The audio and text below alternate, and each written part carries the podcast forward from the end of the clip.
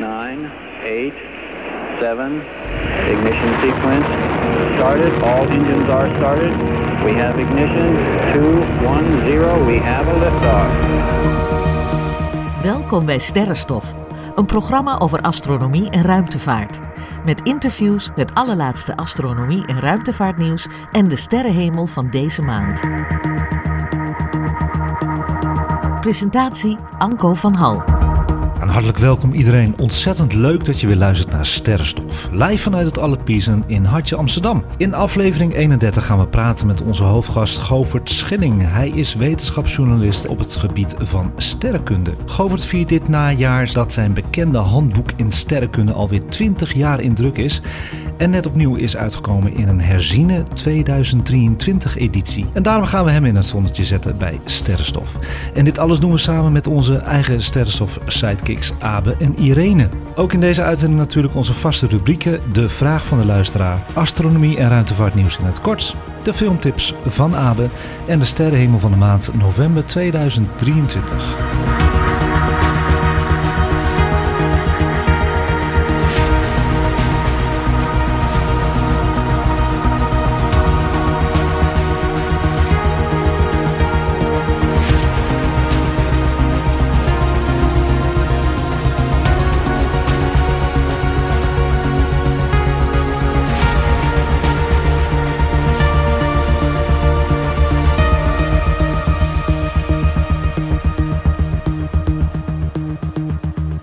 Welkom allemaal en wat goed dat jullie weer aanwezig zijn bij de tweede herfstaflevering van Sterrenstof dit jaar. Het was een beetje vies weer, dus ik ben heel blij dat jullie allemaal zijn. Zijn jullie een beetje nat geregend?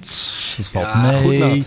Het is alweer opgedroogd, Govert Eh, ook. Het houdt niet op met regenen. Ik, eh, ik snap niet waar dat water allemaal naartoe gaat. Het lijkt wel herfst. Ja, het is heel raar. Het is echt eh, meer niet droog dan wel. Ja, zoals de luisteraars horen, Abe en Irene zijn er weer. Ja. Ja, Goedemorgen. leuk. Goedemorgen. Wat fijn dat jullie er zijn. Jullie waren er vorige maand eigenlijk ook bij, maar dan niet live en lijfelijk. Jij was in een audiofragment bij met Starlink-satellieten. Ik krijg een enorme vinger naar me toe gewezen. Ja, dat, want je zit me aan te kijken. Was ik erbij? Ja, je was erbij. En Abe was er weer bij, maar dan ook audio. Ja, ja, ja, ik had toen diploma-uitreiking volgens mij. Ja, hoe is dat gegaan? Ja, goed. Het was een hele prettige dag. Heel warm, heel fijn. Met eh, mijn familie en mijn vriendin eh, allemaal erbij. Dat was super gezellig. Goed zo, gefeliciteerd. Jongens, eh, ik moet jullie wat vertellen. Oh jee. Het moet, ja, dat vinden ze altijd heel spannend. Het moet gezegd, want eh, successen moet je vieren, dat weet je van mij. En het is een feestje waard. Er hebben namelijk op dit moment nog nooit zoveel mensen geluisterd, niet zenuwachtig worden, naar onze Sterrenstof podcast. De absolute aantallen heb ik binnen, maar ga ik jullie niet vermelden. Want daar, daar ga je... dat ook gewoon maar zo... eh, Nee, daar ga je zenuwachtig, nee, daar ga je zenuwachtig van worden. Dat gaan we niet doen. Maar in het buitenland zijn we ook definitief doorgebroken. Moet ik Engels spreken zo meteen? Eh, nee, wat ik je ga vertellen moet je opletten. Chinees, Japans graag. Ja, dat wel graag. Want we hebben zelfs de nummer 1 positie behaald. 7000 kilometer hier vandaan. En op de bovenwindse eilanden. Dat zijn de Wat leuk. kleine Antillen. Wat Nou. leuk zeg. Dat is echt wel eh, heel Anko, bijzonder. gefeliciteerd. Ja, jullie ook gefeliciteerd En hartelijk allemaal. dank voor het luisteren allemaal. Ja, bij deze. Dat was boven de Volkskrant eh, podcast en boven TED Talks. Dus dat zegt wel wat. Dit gebeurde op 4 oktober in de week van de release van Sterrenstof 30. Nou, nogmaals gefeliciteerd Team Sterrenstof. En dankjewel luisteraars dus uit Saba, Sint Eustatius, Sint Maarten, Antigua en Barbuda. En bij een feestje horen cadeautjes. Dus hierbij een kleine Sterrenstof goodiebag als aandenken van deze prestatie. Zo. Nou, oh, wat heerlijk. nou, de goodiebag is uitgedeeld. En ehm, ja, er zit in een... eh, Dankjewel. Een, een, een eclipsebril. En er zit een souvenir in van mijn eclipsreis van eh, vorige afgelopen maand. Daar gaan we het zo meteen over hebben. En die Ja. is van Utah. En eh Govert is ook geweest. Ja, En jij bent, jij bent eh, ver weg geweest, we zijn hè, ver weg geweest. We gaan het er zo lekker over Oh, hebben. straks, Ook samen met Govert. Govert is ook geweest. Haha, dat heb ik gehoord van Govert. Dat is leuk, dat is leuk. Er zit ook een, eh een sterrenstof chocola in. Ik gewoon. zag het. Ja. Superleuk, Anko. En een goede, dank. een goede sterrenstofpen. Dat is een mooie Ja. Die is goed gelukt. Bij deze, alsjeblieft jongens. Dankjewel. En ook aan tafel natuurlijk, we vergeten jou natuurlijk helemaal niet, onze hoofdgast van deze maand, Govert Schilling. En Govert, ik heb toch wel een tijdje achter je aangezeten. Hoe bedoel je? nou, ik heb het allemaal via je bureau gedaan, dus eh, via Hanna. Ja. En eh, lieve Hanna heeft mij eh, steeds Van gemaild. de uitgeverij dat, Zeker van de uitgeverij.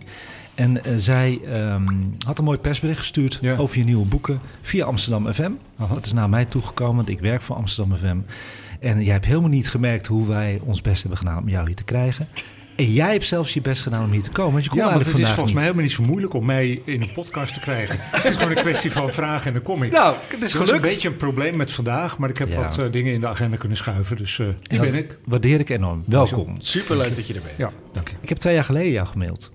En ik ben toen Sterrenstof begonnen met een pilot. En dat Aha. was midden in de coronatijd. En dat moest ik allemaal telefonisch doen. Dus ik had Ja. jou gevraagd of jij in mijn eerste Sterrenstof uitzending, weet jij het nog? Kun je nog iets herinneren? Nee, ik moet heel eerlijk zeggen, ik krijg zoveel van dat soort Dat dacht verzoeken. ik en al. doe heel veel verschillende dingen, dus het spijt me heel erg. Het maakt niet Als uit. je, als je even een mooie anekdote vertelt daarover, dan de weet ik anekdote weer, was maar- dat jij tegen mij zei... ja, ik doe het, maar ik hou niet van podcasten. Oh, Dus dat klopte wel. ja, dat klopt wel. Nee, Hij ik zei- hou wel van podcasts, maar Ja, ik luister er zelf je nooit luistert naar. nooit naar. Ik vind podcasts geweldige dingen. Ik vind Ja. Hmm. het prachtig wat jullie hier doen.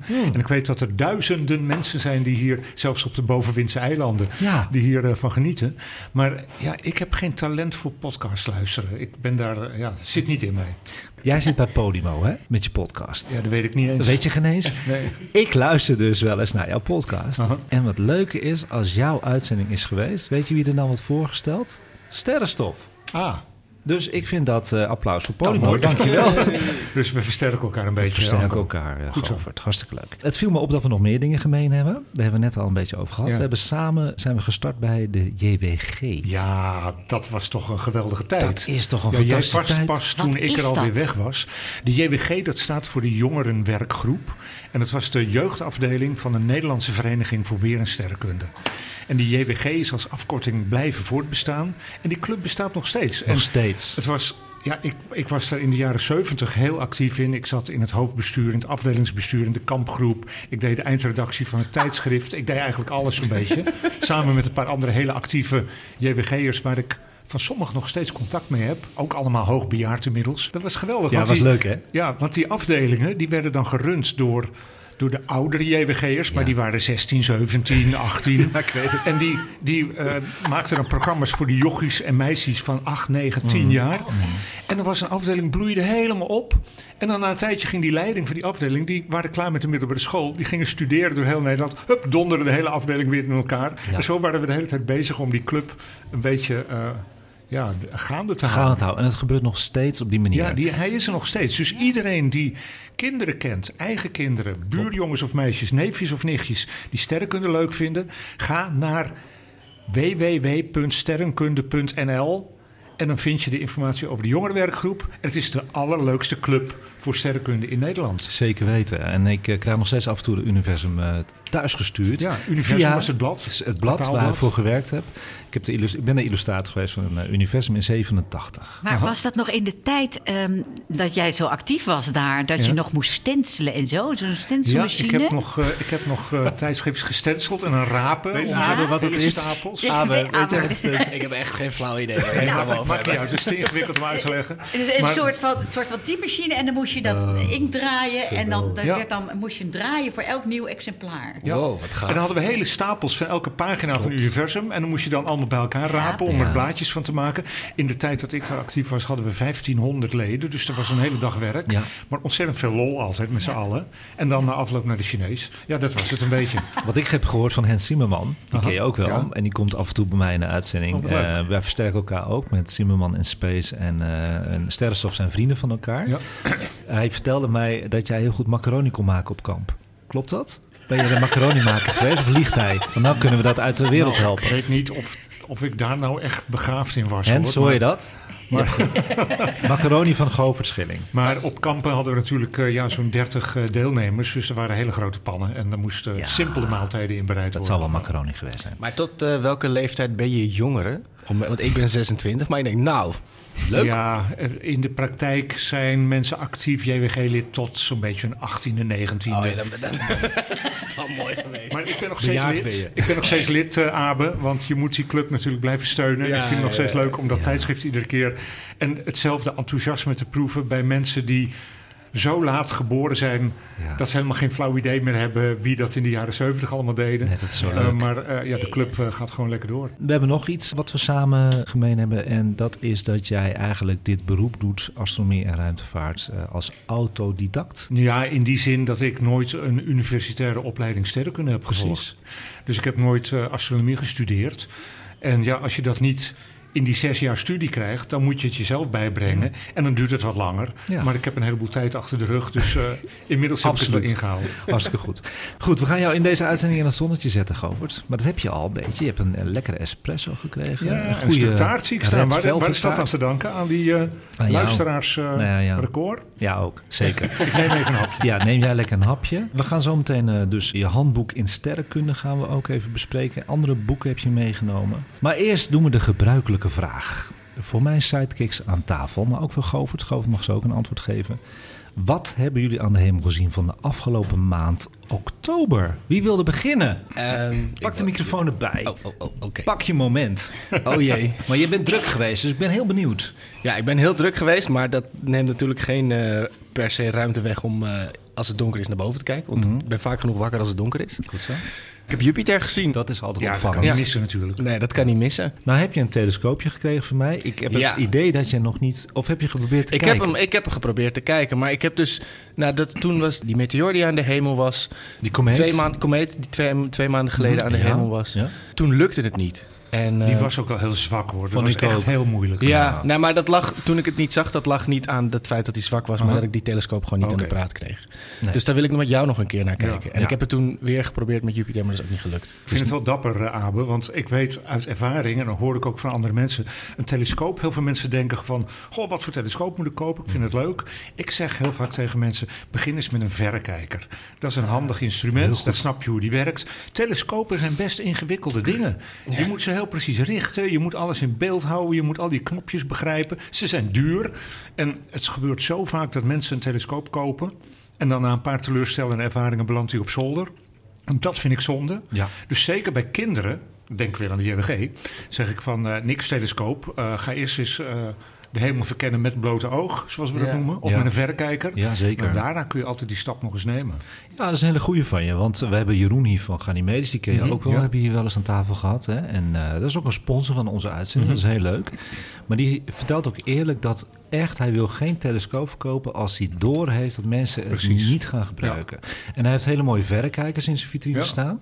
En die worden heel veel gekocht bij hem ook als begin. Dus wat Ja. jij zegt doet Jeroen eigenlijk Ja, ook. leuk. Leuk.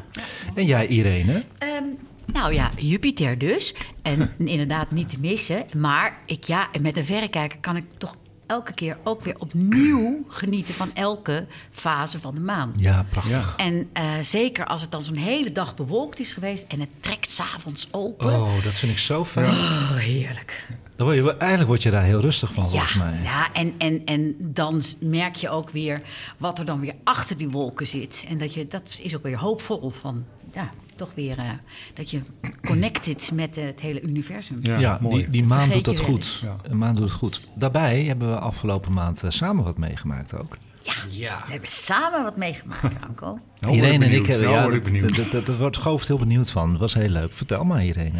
En nou, wij hebben ons ingedrongen op de open dag van de ESA. Ah, oké. Ingedrongen. Ja, nou ja, je moest daar eh, kaartjes voor bestellen. En die, dat was natuurlijk heel gauw was het vol. En gelukkig hadden wij connecties. Goed zo. Eh, dat en, heb je wel eh, nodig gehad. Ja, Ja. en we hebben een fantastische dag gehad. Mogen we onze connectie noemen? Ja, natuurlijk, want die is ook te gast geweest. Ja, Philip van de ESA. Aha, ja. Die ken jij wel Ja, qua naam. Aardige man. eh, sta- eh, zit achter de robotarm. Ja. Ja, heeft van ook het helemaal ISS. uitgelegd en zo. Die was uitgelegd. daar ook. En Ja, en hij is ons gaan rondleiden op het terrein van de ESA. Ik wist niet dat het zo groot was. Het zeg. was giga Oh, groot. mijn god. Ik had de verkeerde schoenen aan. Ik ook. vertellen. Ik had wel pijn in mijn voeten. We waren, we waren heel moe toen we terugreden, maar voldaan. Ja. Eh, het is de grootste vestiging van die Europese ruimtevaartorganisatie in heel Europa. hè. Oh ja, Ze hebben vestigingen in alle aangesloten landen. Hoofdkantoor in Parijs is eigenlijk heel klein. Op andere plaatsen zitten vluchtleidingscentra, communicatiecentra. Maar het technologisch centrum in Noordwijk is by far de grootste ESA-vestiging. Ja, dat hebben we is ook wel gemerkt. Ja. Ongelooflijk. En, en al die verschillende gebouwen. En iedereen heeft, ja, het is gigantisch. En ze hadden er ook echt ontzettend leuk werk van gemaakt. Er, was, eh, er, er was van alles te doen, eh, heel uiteenlopend. Maar ook kleurplaatjes voor kinderen met Ja. stempeltjes. En t-shirtjes en plaatjes en dingetjes. Wat ontzettend leuk is, dat ze een start zijn be- begonnen. Ze zijn gestart met een project dat een jaar gaat duren... Mhm. om jonge mensen eh, te enthousiasmeren basisscholen, middelbare scholen, universiteiten, HBO's, MBO's, om die allemaal te betrekken bij eh sterrenkunde, Ja. eh, ruimtevaart en van alles en nog wat. En je mag je ideeën inbrengen, Je mag je ideeënbus. ideeën inbrengen. Dus als je daar meer over wil weten, ga naar de website van ESA. En André Kuipers is degene die daar de voortrekker van Ja. is. Jazeker. En over André gesproken. Philip heeft eh, ons voorgesteld aan wat bobo's. Hij heeft geregeld dat ik op de foto ging. Nou, ik doe geen foto's van mezelf. Dat vind ik een hel, een selfie. Maar ik had het er wel voor over met André Kuipers samen. Dat hebben we gedaan. En André is echt een hele lieve gast. Ja. Hij zegt, dan moeten we toch maar regelen. Ik vroeg het geen eens eh, dat ik bij jou op bezoek kom. Aha. Nou, dat is natuurlijk mijn grootste wens. En eh, hij heeft toegezegd, in 2024 komt Nou, hij. Yes, naar. Sterrenstof. Hoe vind je dat, Abe? Dat is wel een. eh Blijf je nog even waard, zitten? hoor. Ja, zeker. Abe blijft nu zitten, luisteraars. Ja. En Govert, want dat doen we samen maar even, gezien hebben, is de eclipse in Amerika. Dat vond ik zo leuk om te horen. Dat wist ik helemaal niet dat jij er ook heen was. Ja. Eh, het was een ringvormige zonsverduistering. Ja. Kun je uitleggen En wat dat is voor de Ja, kijk, bij een zonsverduistering schuift de maan voor de zon. En dan kun je de zon niet meer zien. Ja. En dan wordt het donker en dan zie je die mooie stralenkrans rond de zon. Dat is allemaal prachtig. Maar de maan die staat niet altijd even ver van de aarde. Mhm. En afgelopen eh, 14 oktober stond de maan wel precies voor de zon. Ja. Maar ook een beetje verder weg dan gemiddeld. Dus die maan die was wat kleiner. Ja. En dan kon hij de zon niet helemaal afdekken. Dus dan zie je hem voor de zon schuiven. Hap uit de zon, grotere hap. En na een tijdje denk je... jongens, die maan is te klein, dat gaat niet lukken. Ja. En dan ontstaat er een ringetje van licht wat overblijft. En dat was een zo perfect mooi Oh. verschijnsel aan de hemel. Krijg je kippenvel van. Dat Ik is schitterend man. om te zien. Eh, en ja, dat was zichtbaar in de Verenigde Staten, Midden-Amerika. Waar ben jij eh, Zuid-Amerika. geweest? Eh, wij hebben onze vakantie. Weet je, dat moet ik even vertellen. Ja. 14 oktober is de verjaardag van mijn echtgenote. Gefeliciteerd. Dus eh, jaren geleden wist ik al, 14 oktober 2023 is er een ringvormige verduistering. Oh. Die moeten wij gaan zien. En dan zijn we naar Utah gegaan vanwege het landschap. Ik ben helemaal weg van die Amerikaanse staat. Het is krankzinnig mooi daar. Ik ben er vaak geweest. En we hebben dus eigenlijk onze vakantie opgeschoven naar het najaar. En we hebben dat mooi gecombineerd. En eh, wij zaten daar eh, samen met een heleboel Amerikanen op de centrale lijn... waar je precies dat perfecte ringetje kan zien. wacht even hoor. ik ben ook naar Utah geweest. Ja, dat hoorde ik, maar jou op een andere plek tegengekomen. Ik zat in Goosenecks State Park. Oh ja, ken ik. Heel mooi. En dat is aan de bij. Ravijn, ja, bij de Ja. andere kant van jou. Wij zaten aan de westkant van Jullie zijn Utah. aan de westkant. Ja. Kijk, weet je, het is een podcast, hè? Dus ik moet even zeggen, die eclipse, ik heb veel beeldmateriaal. Die heb ik ook op onze Instagram gezet. Die plug ik even, want het is voor mensen heel fijn om even naar te kijken. Sterrenstof Nieuws. Kijk even naar de, het moment dat het totaal wordt, de zonsverduistering. En dan zie je ook, dat is heel mooi, hè? Je ziet die, die bogen hè? Ja. Die van de zon zie je zo naar elkaar Ja, toe komen. precies. Dat is En, mooi. En Nou, die heb ik op sluit die ring zich, dat is perfect. Nou, die heb ik erop gezet als real-time video Goed. op Sterrenstof Nieuws. Ja. Laat ik zo meteen na de uitzending ook even zien. Daarbij, op het moment, dat heb je ook meegemaakt, krijg je kippenvel van. Dat weet ik zeker, dat iedereen gaat applaudisseren Ja, als het zover Dat, is. dat gebeurt. Ik heb een fragmentje daarvan. Dat is, een- dat is eigenlijk van een filmpje. Dat komt ook allemaal op YouTube, jongens. Dat ga ik allemaal maken. Ik heb het een beetje druk gehad, maar dat komt allemaal deze maand. Dus hou onze YouTube-kanaal ook in de gaten. Maar er is ook geluid van. En dan zeg ik wel vier keer wauw. Heel normaal. Heel normaal, Vind ik toch? niet gek. Oké, nou laat me horen, Erik.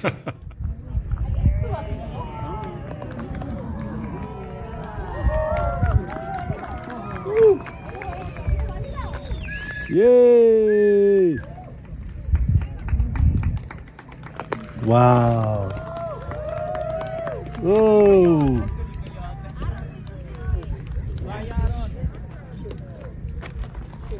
En dus ook Venus staat er nu rechts. Volgens mij kun je er niets met de camera, misschien wel. Venus is ook te zien. Wauw. Weet je wat het leuke is, Anko? Een, een totale zonsverduistering Ja. is nog veel spectaculairder. Zeker. Eh, dat, dat moet echt iedereen minstens één keer in zijn leven een keer meemaken. Ja. En dan heb je ook vaak de reactie. Hè? Mensen gaan klappen en schreeuwen en Ja. klaksoneren. En er zijn eh, hele, eh, ja, zeg maar... eh recht, rechtsgeaarde sterrenkundigen die vinden dat dat helemaal niet hoort, want dat is flauwekul. Maar ik vind dat geweldig. Ik ook. Het feit dat dat gebeurt betekent dat het een verschijnsel is wat zo, je- het raakt je zo diep.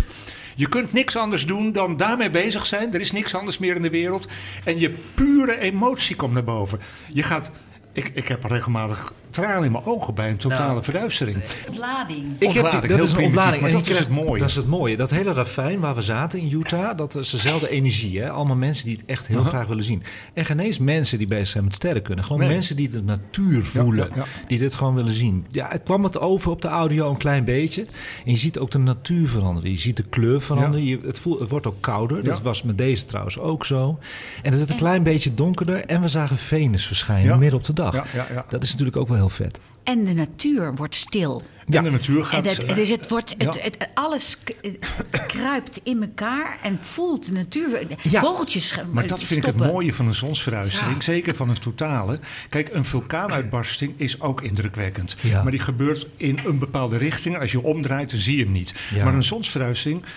Die neemt alles in beslag. Alles om je heen Mhm. eh, reageert. Je kunt er niet omheen. En je kunt tijdens die paar minuten van zo'n eclipse... kun je met niks anders bezig zijn dan dat. Het is, het is een alles overweldigend verschijnsel. En als nou mensen denken van... ja, maar dan moet ik er helemaal voor naar de andere kant van de wereld. Hoeft niet. Zet in je agenda 12 augustus 2026. Duurt minder dan drie jaar. Midden in de zomervakantie, dan stap je in je auto, je rijdt naar Noord-Spanje en je ziet een totale zonsverduistering van een paar minuten. We met z'n allen gaan? Met, ja, laten we doen. Dan laten we, Sterrenstof vanuit Spanje. En als jij dan de macaroni maakt, dan ben ik weer helemaal blij. Ja, Maar je kunt je ook voorstellen Ja. dat vroeger, toen mensen Ja, natuurlijk joh, niet wisten wat er gebeurde, Ja. dat iedereen dacht dat de wereld op dat moment verging. Ja. Bij zo'n zonsverduistering. ehm, doet dat ook iets geks met eh, de schaduw van alles eh, wat op het land Ja, is? dat is grappig. Want als, kijk, de zon die heeft een bepaalde afmeting. Dat is Ja. een lichtbron wat geen puntje is, maar een bolletje. Ja, lucht. precies. En daardoor zijn schaduwen, eh, gewoon als je overdag thuis kijkt, zijn schaduwen nooit heel erg scherp. Die zijn een Nee. beetje wazig. Omdat dat zonlicht over een bepaalde afmeting komt.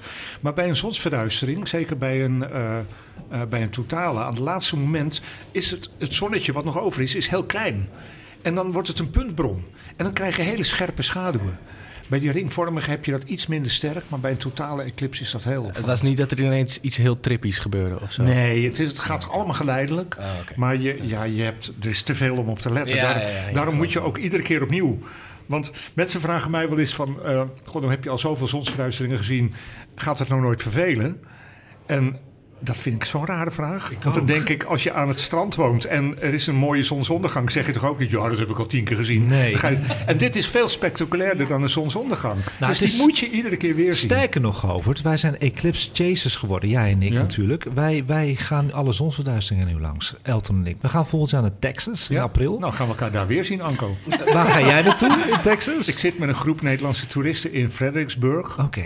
En wij eh, in de buurt van Austin. Ja, wij Eh, ook. Dus eh, nou, wie weet kunnen we elkaar ook. afspreken. In de buurt van Austin ook. Nou, we houden gewoon contact. We hebben ons uh, Weer die macaroni. Ja. Ja, weer macaroni. Ja, over die zonsverduistering gesproken. Er komen dus beelden ook op YouTube terecht. eh, want ik heb het gefilmd met de Dwarf Smart Telescoop. Dat is een heel klein digitaal telescoop die Mhm. ik heb kunnen lenen van Ganymedes. En ja, prachtig. Die heeft alles gefilmd in real time. Ja, leuk.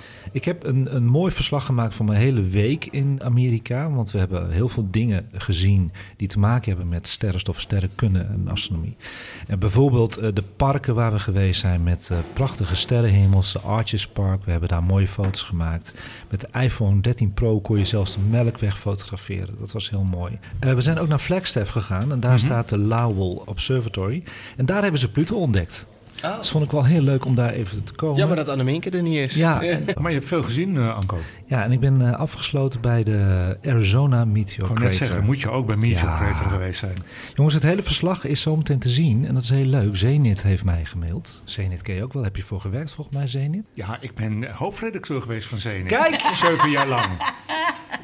Ja, wat heb jij nou niet gedaan? En, nou, niet veel. Maar in, eh, eh, tussen 1980 en 1987 eh, voerde ik de scepter over het maandblad Zenit. ja, Wat heel- is dat voor blad? Wat dat is is het? een, eh, een, eigenlijk een blad voor amateursterrenkundigen. Ja. Voor mensen die dat als hobby doen, die daar belangstellingen hebben. Het is oorspronkelijk het blad van die Nederlandse Vereniging van Weer en Sterrenkunde. Het staat gewoon in de kiosk. Ja. Het verschijnt elke maand. Eh, foto's, achtergrondinformatie, dingen over sterren kijken. Ook ingewikkelde verhalen over nieuwe sterrenkundige ontdekkingen. Maar eh, ja, het sterrenkundeblad van Nederland. Kijk. Ja? Eh, Zenit heeft de Sterrenstof gemaild en gevraagd of ik het verslag van eh, de Eclipse Chasers Tour 2023 heb ik het genoemd, of ik dat wil delen met ze Nou, wat leuk. en met foto's erbij. Leuk. Dus dat komt eraan deze als maand. Dat, als dat erin verschijnt, dan, eh, dan, dan wil ik daar wel even wat van zien. Ja, hoor. ik denk met al die foto's die ik opstuur dat het de online versie wordt, maar die wordt net zo goed bekeken als het blad zelf. Superleuk. En we moeten even terugkomen op dat hele leuke winactieboek van Edwin Valentijn. Dat was twee uitzendingen geleden. Was jij daarbij? Weet je nog dat je een boek kon winnen? In podcast nummer 29 kon je meedoen om het mooie koffietafel fotoboek van Donkere Materie, The Powers of Two te winnen. Geschreven door Edwin Valentijn. Om het te winnen kon je je beste vragen over donkere materie insturen voor Edwin. Dit is massaal gedaan en we zijn er eigenlijk een beetje twee maanden, anderhalve maand mee bezig geweest. En we kunnen nu eindelijk de prijswinnaar bekendmaken. Edwin heeft sommige ingezonden vragen beantwoord. Dus als je iets ingestuurd hebt en je bent benieuwd naar Edwins antwoord, stuur dan even een mailtje naar sterrenstofnieuws.gmail.com. De winnaar die Edwin heeft uitgekozen is Jordi Groots. Jordi schrijft. Ik begrijp dat donkere energie er in theorie voor zorgt dat de uitdijing van het heelal versneld wordt. En dat donkere materie iets is dat sterrenstelsels bij elkaar houdt. In principe dus twee raadsels die het tegenovergestelde van elkaar doen. Kan het dan zijn dat de donkere energie die in het heelal heerst ervoor zorgt dat de buitenste sterren in een sterrenstelsel zogezegd teruggeduwd worden in hun baan in plaats van weggeslingerd en dat op die manier de twee raadsels toch een correlatie met elkaar hebben? Nou, dat is de winnaar, en dat snap ik wel. Wat een vraag, De zeg. winnaar van het boek. Dijk van een vraag. Hij zegt wel, hopelijk is het duidelijk genoeg, ik hoor het graag. Nou, Edwin vond dit natuurlijk gigantisch lekker om er Ja. even over te hebben. Dus hij antwoordt, ah, dit is een hele mooie vraag. Kan het zijn dat donkere energie en donkere materie met elkaar verbonden zijn? We weten het niet, zegt hij, maar dit is wel precies de theorie van Erik Verlinde. Donkere materie ontstaat als een kracht ten gevolge van de beweging van sterren in het heelal helemaal gevuld is met donkere energie. De sterren en donkere energie zijn verstrengeld en tangled volgens kwantummechanische principes. Als een ster beweegt, dan veroorzaakt die de kracht van donkere materie. Eigenlijk lost Erik niet twee, maar zelfs drie hoofdproblemen in één keer op. Donkere materie, donkere energie en de relatie tussen kwantummechanica en de algemene relativiteitstheorie. Dan zegt Edwin, dat is typisch Edwin. Ik zeg altijd maar: als je één probleem hebt, dan heb je een probleem. Als je twee problemen hebt, dan heb je een oplossing. En als je drie problemen hebt, dan heb je een revolutie. Mooie tekst. Nou, Jordi, dat was het antwoord van Edwin. Ik hoop dat je er wat aan hebt. Ik vind het ook een mooi antwoord. Het is voor mij ook nog heel moeilijk. Ja. Altijd donkere energie. Dat vind jij denk ik ook wel moeilijk, donkere energie. Gefeliciteerd Jordi met het mooie fotoboek. Ik stuur het eh, naar je op. Mail me je adres op sterrenstofnieuws.gmail.com en dan komt hij naar je toe. Heb jij nog wat te zeggen over donkere energie, Govert? Je zit Nou, aan te kijken. Ik heb een paar jaar geleden een eh, eh, best pittig, maar heel goed ontvangen boek over donkere materie geschreven. Ja. Dat schreef ik voor een Amerikaanse uitgever. Er is een heleboel talen vertaald. En kreeg hele goede recensies. Ook in het Nederlands verschenen natuurlijk. Het heet De olifant in het universum. Een mooie metaforische titel. Het gaat voornamelijk over donkere materie. Maar donkere energie komt daar natuurlijk ook in voor. Want het zijn de twee grootste problemen in de kosmologie. En je kunt het ene niet beschrijven zonder aandacht aan, aan het andere te besteden. Maar ik moet wel één ding bij vertellen. Erik Verlinde is een hele lieve, aardige en hele knappe man. Universiteit van Amsterdam. Maar zijn theorie is een, in een heel primitief stadium nog. Het is een idee, het is nog lang niet helemaal uitgewerkt. Het is nog niet in zijn volledigheid officieel gepubliceerd. Eh, ik ben er niet per se al van overtuigd dat hij op het goede spoor zit. Er zijn een heleboel ideeën die proberen donkere materie en donkere energie te verklaren, soms tegelijkertijd. In de in de wetenschappelijke pers kom je misschien wel 10, 20 van dat soort ideeën tegen. Ja. Ze zijn allemaal een beetje aan het zoeken. Ja. Erik's theorie is er daar één van. En net zoals die mooie quote van Edwin over 1, 2 en 3 problemen, Ja. zeg ik altijd: als er 20 suggesties voor een theorie zijn, dan kan er maar één de juiste zijn. Dus 19 kloppen er dan niet. En als er 19 niet kloppen, heb je best kans dat de twintigste het eigenlijk ook nog niet eh, voor elkaar krijgt. Dat is het moeilijke. En Edwin zit achter de Euclid-telescoop. Dus er komen antwoorden aan. Zeker. Euclid is afgelopen zomer gelanceerd. Die gaat de hele kosmos driedimensionaal in kaart brengen. Fantastisch project. En als je dat heel nauwkeurig bestudeert, die resultaten, dan kun je daarmee meer te weten komen over deze twee grote raadsels. Ja, dus wie weet is de oplossing nabij.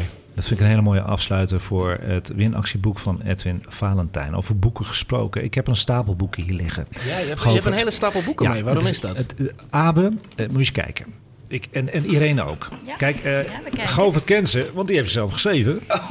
Kijk, er zitten eh, allemaal boekjes die ik heb gekregen in mijn eh, jeugd en in mijn volwassen Nou, lang volwassen geleden, leven. hoor. Het is heel lang geleden. Ik geloof dat deze de oudste is, deze onderste, of niet? Nee, nee, nee. Dat boekje wat Irene nu vasthoudt, was denk ik mijn tweede of derde boek wat ik ooit schreef. Irene is vast- Hoofdredacteur van het Sterrenkundigs Maandblad Zenit. Ja, daar was ik toen. Ja. Ja. Een boekje geschreven in de jaren tachtig. Een soort hobbyboekje over sterrenkunde. Sterrenkunde en dit boek wat je hier hebt. Anko, eh, Ja. Hubble's Kijk op de Kosmos. Ja. Dat was mijn eerste, zeg maar, fotoboek. Ja, ja, Als je het nu doorbladert, dan zeg je, wow, het zijn maar matige plaatjes. Een heleboel nog in zwart-wit. Eh, de druk was toen nog niet zo ver gevorderd als nu. Maar dat waren de eerste resultaten van die Hubble ruimtetelescoop... die in 1990 gelanceerd werd. Dat weet ik. Daarom kocht ik dit boek. Ja, en dat was, dat was wel, eh, hier was ik wel trots op hoor. Dit was, eh, en trouwens ook mijn eerste boek met de uitgever die, waar ik jarenlang mee heb samengewerkt, Martin Fontijn. Die, met hem heb ik samen dit boek gemaakt en hij is daarna twintig jaar lang mijn eh, min of meer vaste uitgever gebleven. Wat goed. En Martin, heel spijtig verhaal. Martin is afgelopen voorjaar op veel te jonge leeftijd overleden. En dat is de reden dat ik in mijn nieuwste editie van het handboek Sterrenkunde Ja. waarvan het succes ook deels aan hem te danken is, heb ik een opdracht gezet eh, dat ik het heb opgedragen aan zijn eh, enthousiasme. Dat is heel, heel mooi. Dat is mooi. Ja, Abe. Ja, oh, eh, ga je dan ook, eh, want je hebt het nu bij Hubble gedaan. Ja. Eh, ga je dat dan ook eh, bij James Webb doen of Leuke niet? vraag. I- Toen die James Webb-telescoop gelanceerd werd, een kleine twee jaar geleden, en de eerste paar foto's die kwamen anderhalf jaar geleden, kwamen die vrij. Toen zei iedereen tegen me: Oh, wanneer komt nou het fotoboek? En ik denk dat het nog te vroeg is. Als je dat nu gaat doen, dan heb je die eerste 20, 30 mooie foto's, maar er gaat nog zoveel meer komen en dan is je boek eigenlijk heel snel verouderd. Maar in het nieuwe handboek, daar staan natuurlijk foto's van de James Webb-telescoop. Want het is Ja, een hele nieuwe ja, editie, natuurlijk. dus ja, daar, daar staan die beelden staan erin. En ik hou het wel in gedachten, dus wie weet, over een jaar of twee of zo wordt het tijd voor een mooi nieuw fotoboek over de James Webb. Vet, heel leuk. Ik heb drie eh, mooie nieuwe boeken opgestuurd gekregen van Hanna.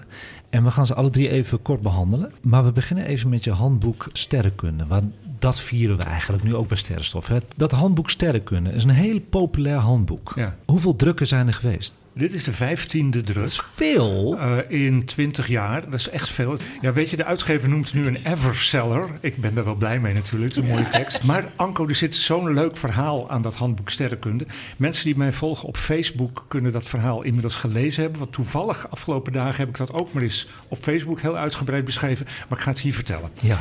Ik was een klein jongetje, tienerleeftijd. Ik raakte geïnteresseerd in de sterrenkunde. Je wilde daar boekjes over. Er was toen een boek, jij kent het misschien nog van naam. En dat dateert uit de oorlogstijd van een Duitse auteur. Werd in Nederland vertaald door uitgever Thieme. En het boekje heette Welke ster is dat? Ja, Met een ik. vraagteken. En dat ging over zelf naar de sterrenhemel kijken. Maar ook over wat we over al die hemellichamen en die sterrenstelsels wisten. Dus de combinatie van zelf waarnemen en kennis. Klein boekje, zwart-wit illustratietjes, zwart-wit foto's, primitieve sterrenkaartjes. Maar dat boek dat verscheen voor het eerst in 1941 en het is tientallen jaren lang in druk gebleven. En iedere keer bij een nieuwe druk werd dat geactualiseerd, want er waren nieuwe informatie beschikbaar. Ik kende het boek van, van Haver tot Gort. En met die uitgever, met Martin Fontijn, Ja. had ik begin deze eeuw een gesprek. En hij zei, ja, heb je nog ideeën voor nieuwe boeken? Ik zei, Martin, wat ik nou graag wil, is een soort moderne versie van Welke ster is dat? Een boek wat gaat over de hobby sterrenkunde, over het zelf kijken, maar ook over de sterrenkunde als wetenschap. Het moet een compleet handboek worden. En dan zei ik tegen hem, ik raakte helemaal enthousiast, dan zei ik tegen hem, als het dan uitverkocht is, dan doen we nieuwe druk en dan ga ik nieuwe foto's en nieuwe informatie. Dan blijven we dat iedere keer updaten en dan blijft dat heel lang in druk. En toen begon hij een beetje te lachen. Hij zei: Ja, dat wil elke auteur wel. Dat gaat zomaar niet. Maar we, kunnen kijken wat er gebeurt. Hij was enthousiast. Hij, had, hij, hij geloofde daarin. En dat is dus gelukt met dit handboek. En elke keer als de oplage uitverkocht dreigt te raken, dan loop ik er door. En dan ga ik kijken, hey, hier is nieuwe informatie over. Daar is een nieuwe foto. Dus ik, het wordt iedere keer geüpdate. En nu bestaat het 20 jaar. Dus met de uitgever dachten we, er moet een jubileumeditie komen. De vormgeving is helemaal van uh, herzien. Het is helemaal opgefrist. Ik heb het helemaal uitgebreid doorgenomen. Het is weer helemaal up-to-date. Nieuwe foto's van de James Webb-telescoop. En het allerleukste, ik ben heel trots op, dus ik mag ik zie het, ook aan, joh, jongens. We zien het hoor. het allerleukste is, er gaat eindelijk volgend voorjaar een Engelstalige versie van dit handboek komen. Is dat de eerste keer voor je of niet? Uh, nou, niet van boeken. Er zijn heel veel boeken van mij van in Amerika vertaald? verschenen. Ja? En elders. Maar dit handboek, dat, ja, ik, al zo lang denk ik, dat moet toch Engels. En dat gaat nu eindelijk gebeuren. Wat geweldig. En weet je hoe ze het, welke titels hebben gekozen Nou. in Amerika? The Astronomy Handbook. Niet zomaar een handboek, maar het sterrenkunde handboek. Nou, dat is Maar toch dat geweldig? is Ja. geweldig. En Ja, dat ik, is dit boek. Ja, Ja, dat blader dat hem eens door. De Ja, vormgeving, ik ben zelf natuurlijk grafisch Ja. ontwerper Echt. geweest. De vormgeving is mega goed. Het is precies wat ik zou willen. Met heel veel kleuren. Ja. Dat wordt het veel overzichtelijker van. Het is echt mega mooi. En niet om het boek nou per se te pluggen. Ik heb het je wel beloofd, dat doen we natuurlijk ook. Maar het is echt een mooi boek. Ik moet eerlijk zeggen, want het is zo mooi vormgegeven. Ik vind het ook voor kinderen.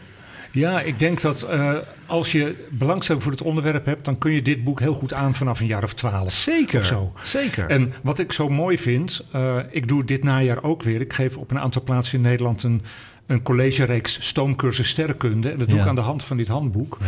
Maar er zijn heel veel publieksterrenwachten en verenigingen die ook cursussen doen. Dus als je daar belangstelling voor hebt als luisteraar, moet je daar maar eens aan zoeken. Dan kun je een cursus sterrenkunde doen.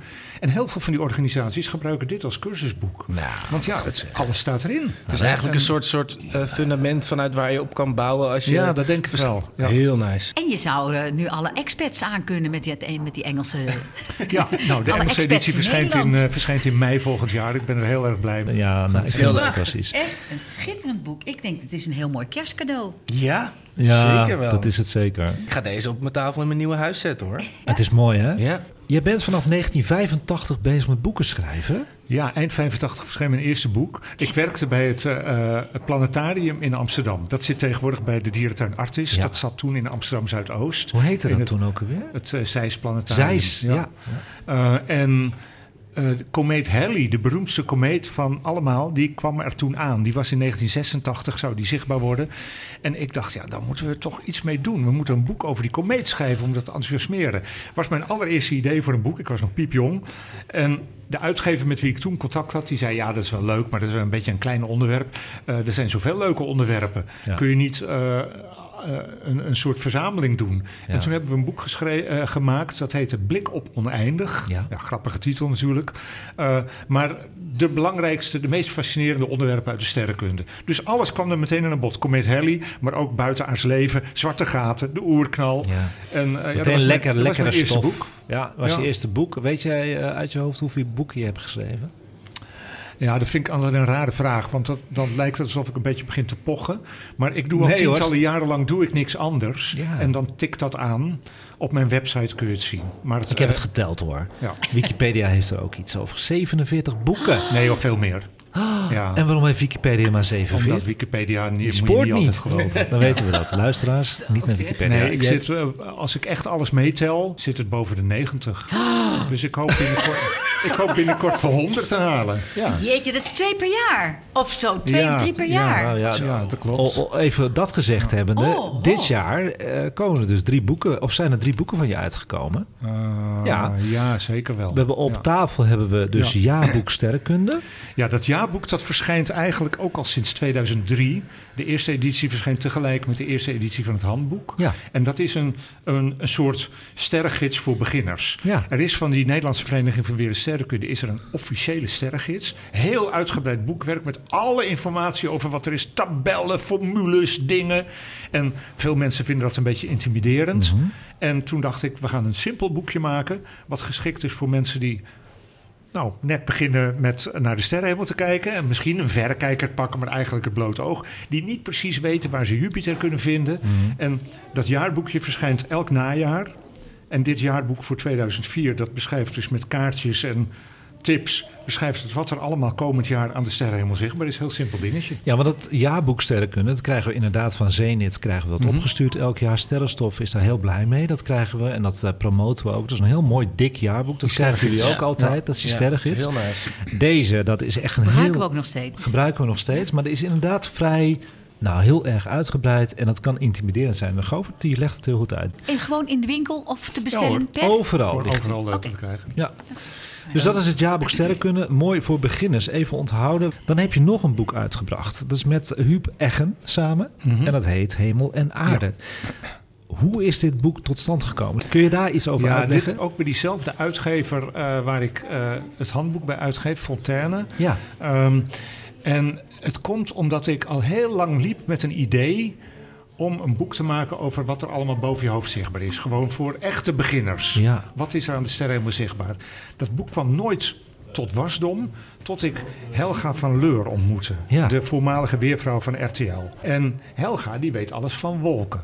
Toen Ja. hebben we samen een boek gemaakt. Wat is er boven je hoofd zichtbaar? Overdag en s'nachts. Dat boek heette Dag en Nacht. En dat is een paar jaar geleden verschenen bij Fontaine. Grote foto's, overzichtelijke hoofdstukjes. Alles wat je overdag en s'nachts aan de hemel kan zien. Heel groot succesvol boek geworden. Daarna maakten Helga en ik een boek van zomerdag tot winternacht. Waarmee we de lezers en de kijkers meenamen door de loop van de seizoenen. En toen dacht ik, ja, die boeken die zijn succesvol, maar je kunt nog een stap verder. Je kunt ook de fotografie eens pakken.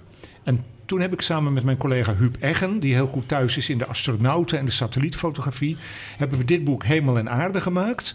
En dat zijn foto's van de kosmos gemaakt vanaf de aarde, ja, afgewisseld met foto's van de aarde gemaakt vanuit de ruimte. ja. Met toegankelijke uitlegtekstjes erbij, zodat je echt snapt wat je op die foto's ziet. Heerlijk om in te bladeren en te grasduinen, af en toe eens een hoofdstukje te lezen, of gewoon van voor naar achter. En eh, ja, het is een combinatie van wat wij allemaal weten over het universum en onze plaats en onze kleine aarde daarin. Nou, mooi uitgelegd. En je hebt het voor elkaar. Irene, die is even heel stil. Je zit stil, hè? Ja, alle Je tijd. zit heerlijk te bladeren. Je zit echt letterlijk lekker te bladeren Ja. in je boek. Hey, ik, heb, ik heb twee vragen. Want eh, wij zitten hier in de, aan tafel allemaal in, in, naar prachtige foto's te kijken in boeken. Maar mensen zitten hier natuurlijk naar te luisteren. Die kunnen dit niet zien. Is er een mogelijkheid om iets wat we hier bespreken zichtbaar te maken voor de luisteraar op Instagram of zo? Dat ze iets kunnen kijken. Een belangrijk, belangrijke afbeelding, een belangrijk boek. Iets wat ze kunnen zien. Nou, ik ga sowieso mensen even verwijzen naar de website van Govert Schilling. Want dat is een mooi verlengde van zijn boeken, vind ik. Alles over sterrenkunde.nl. Daar kunnen ze de boeken eigenlijk een beetje al bekijken. Ik ga wel wat foto's erop zetten op Instagram. Ja. Oké, vind vind ik wel leuk om te doen. En er komen wat foto's aan. Krater op Mars, eh, Irene. Ja. Hele spectaculaire foto. Dat is een mooie Met foto. zeg. duinen op de bodem. En- Ja, heel gaaf. ja. En ehm, dan een vraag aan jou, Govert. Want ik hoor heel veel in jou, eh, in jou eh, wat je zegt, terugkomen toegankelijk. ja. Dus eh, het, het komt op mij over alsof jij ehm, het allemaal een beetje behapbaar wil maken. dat klopt. Is er ook iets waarin een specifiek onderwerp of een niche of iets Ja. waar jij op aangaat? Iets wat, eh, bijvoorbeeld, als ik over muziek Ja, praat, zijn er maar- dingen waar ik graag over praat. Maar zijn er ook dingen, weet ik veel, is er een bepaalde wetenschapstak? of een Zeker, bepaalde- zeker. Want, eh, want eh, de, de boeken die we nu hebben genoemd, die zijn bijna allemaal heel algemeen. Ja, precies, dat en dat is ik. natuurlijk leuk voor een beginner die een beetje eraan wil snuffelen.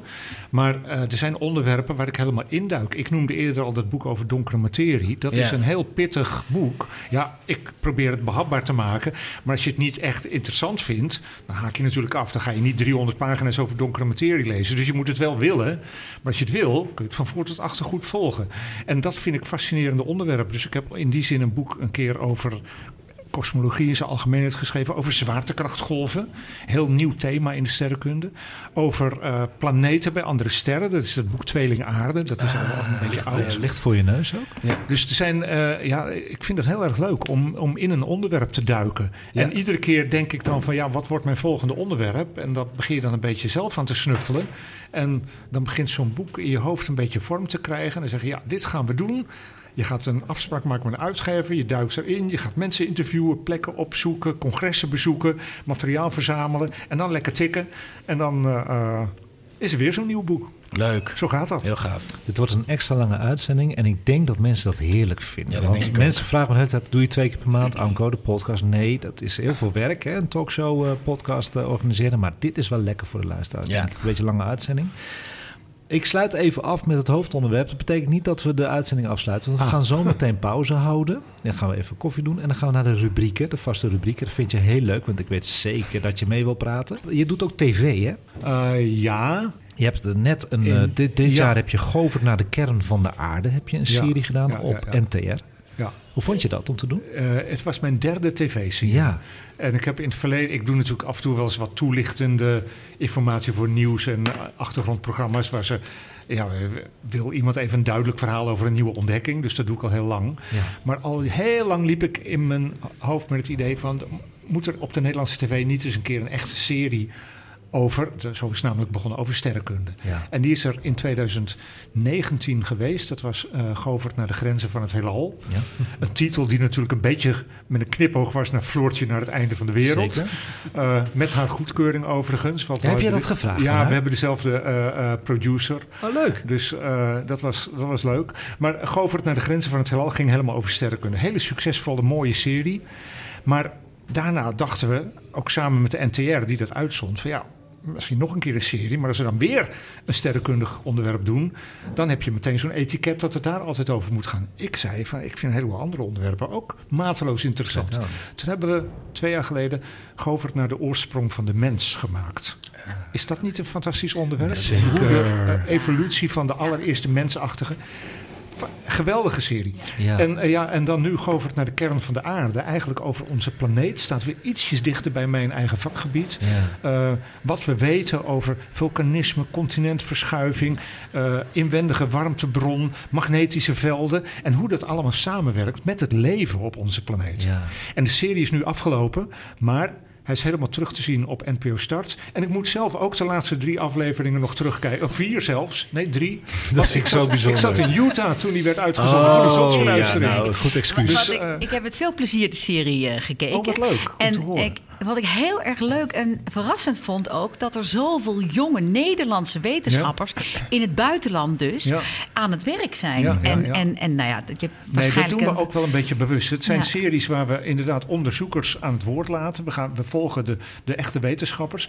En dan kun je wel weer hele oude bejaarde eh, mannen eh, uit Amerika doen. Maar ja, jonge meisjes en jongens uit Nederland die net afgestudeerd zijn... die een tijdelijke postdocbaan ergens in een ander instituut hebben... die kunnen we opzoeken om ze daar eh, aan het woord te laten. Ontzettend leuk. En Dus, eh, sommigen zitten in the middle of nowhere, Ja, werkelijk. ja, ja, ja. En eh, ja, ik vond het een prachtige serie. En hartstikke begrijpelijk en eh, heel boeiend Nou, van begin tot eind. Ja. Er is een planetoïde genoemd naar jou. Ja. Hoe heb je dat voor elkaar gekregen? Ik Ja. heb wel een Perseïde die naar mij genoemd is, maar die, is, die bestaat niet meer. Die is Oh. opgebrand al. Ah, Lieve. Anko, ik heb een hele gordelnies naar mij Ja, genoemd. Een kuiperschorrel. dat is eigenlijk... Zij wint het eigenlijk gewoon voor het van ons, hè, nu. Hoe vind je dat? Nou, Aben nog, maar dat komt wel goed. Die planetoïden, dat zijn die rotsblokken die, Ja. die met miljoenen in een baan om de zon draaien tussen de banen van Mars en Jupiter. Ja. Als die ontdekt worden, mag de ontdekker daar een naam aan geven. Ja. En er zijn in de jaren 60 en 70 al, zijn er enkele duizenden ontdekt door een Nederlands astronomen-echtpaar. Leven allebei al niet meer. En die hebben in de loop van de tientallen jaren... hebben die stukje bij beetje heel veel van hun planetoïden namen gegeven. Die kregen dan Nederlandse namen, logisch. Ja, leuk. Dus een heleboel mensen die in Nederland ook maar iets te maken hebben met sterrenkunde... Die, die, ja, precies. Je zit van waarom. Maar dat gaat dus vast een keer gebeuren, Anko. Want het is helemaal dat? niet zo bijzonder. Eh, ik graag vind het heel willen. leuk dat planetoïde 10 Ja, eh, ik zou even kijken. 10986. Heb je dat goed? 10986. Ja, dat heb jij goed. Die heet eh, sinds 2007 die heet Govert. Vind ik een enorme Oh, eer. Ja. Eh, maar het is ook weer niet heel bijzonder. Want het is echt waar, in Nederland hoef je maar iets te doen in de sterrenkunde. En een keer kan dat geregeld worden. Ja, goed, ik heb dus een Perseïde, maar die is op. die, die is is al op. opgebrand. We gaan bij de volgende lichting moeten we eens kijken of er niet een planetoïde Anko... eh, We gooien het het universum lijkt me in, dan komt het vast goed. En echt over die boeken liggen nou zo mooi op tafel. En ik denk dat het jaloersmakend is verteld allemaal. Wat ik wil doen, ik wil er toch eentje cadeau geven aan een luisteraar. Dan mag jij even uitzoeken welke van de drie ik ga cadeau geven aan de luisteraar. Ja, dat wordt toch handboek sterrenkunde. Zeker, gaan Ja. we doen. Het mooiste boek wat ik kwijt ga raken in mijn collectie... ga ik weggeven voor de luisteraar. Maakt niet uit. Wat moeten ze daarvoor doen, eh Govert, om het te winnen? Vertel jij het maar. Ja. Gewoon je hebt een- erover na kunnen denken. Nou, een hele leuke vraag kunnen ze opsturen van deze uitzending eh, voor jou. ja. Dus als ze een vraag nog hebben wat jij allemaal hebt verteld... Oh, dat lijkt me prima. Ik vind eh, vragen beantwoorden, ik doe, doe niets liever. Dat hadden wij gehoord. Dat vinden we leuk. Zullen we het zo doen? Ja. Dat is de leukste vraag die binnenkomt voor Govert. Goed. Die wint het boek. Ja, ik heb, ik heb net ook nog even, ik stiekem nog heel even door dat boek kunnen bladeren. En ook als je hem niet wint, ik, het is echt, ik wil dit boek.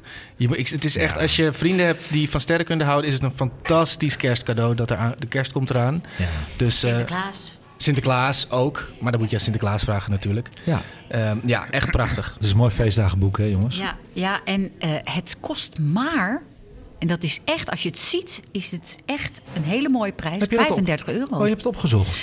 Nou, ik heb het net eh, gehoord hoeveel het eh, Dat valt me mee voor zo'n Ja. bijbel. Ja. Het is echt geweldig. Ja. Dus als je nog niet geïnteresseerd bent in sterrenkunde, dan word je het wel door het boek. Welkom bij Sterrenstof, een programma over astronomie en ruimtevaart. Met interviews, het allerlaatste astronomie en ruimtevaartnieuws en de sterrenhemel van deze maand. Presentatie Anko van Hal. En dan gaan we nu naar de vraag van de luisteraar. Die is ingestuurd door onze vaste luisteraar Bruno. Hallo makers van Sterrenstof. Ik zit hier met de volgende vraag voor jullie.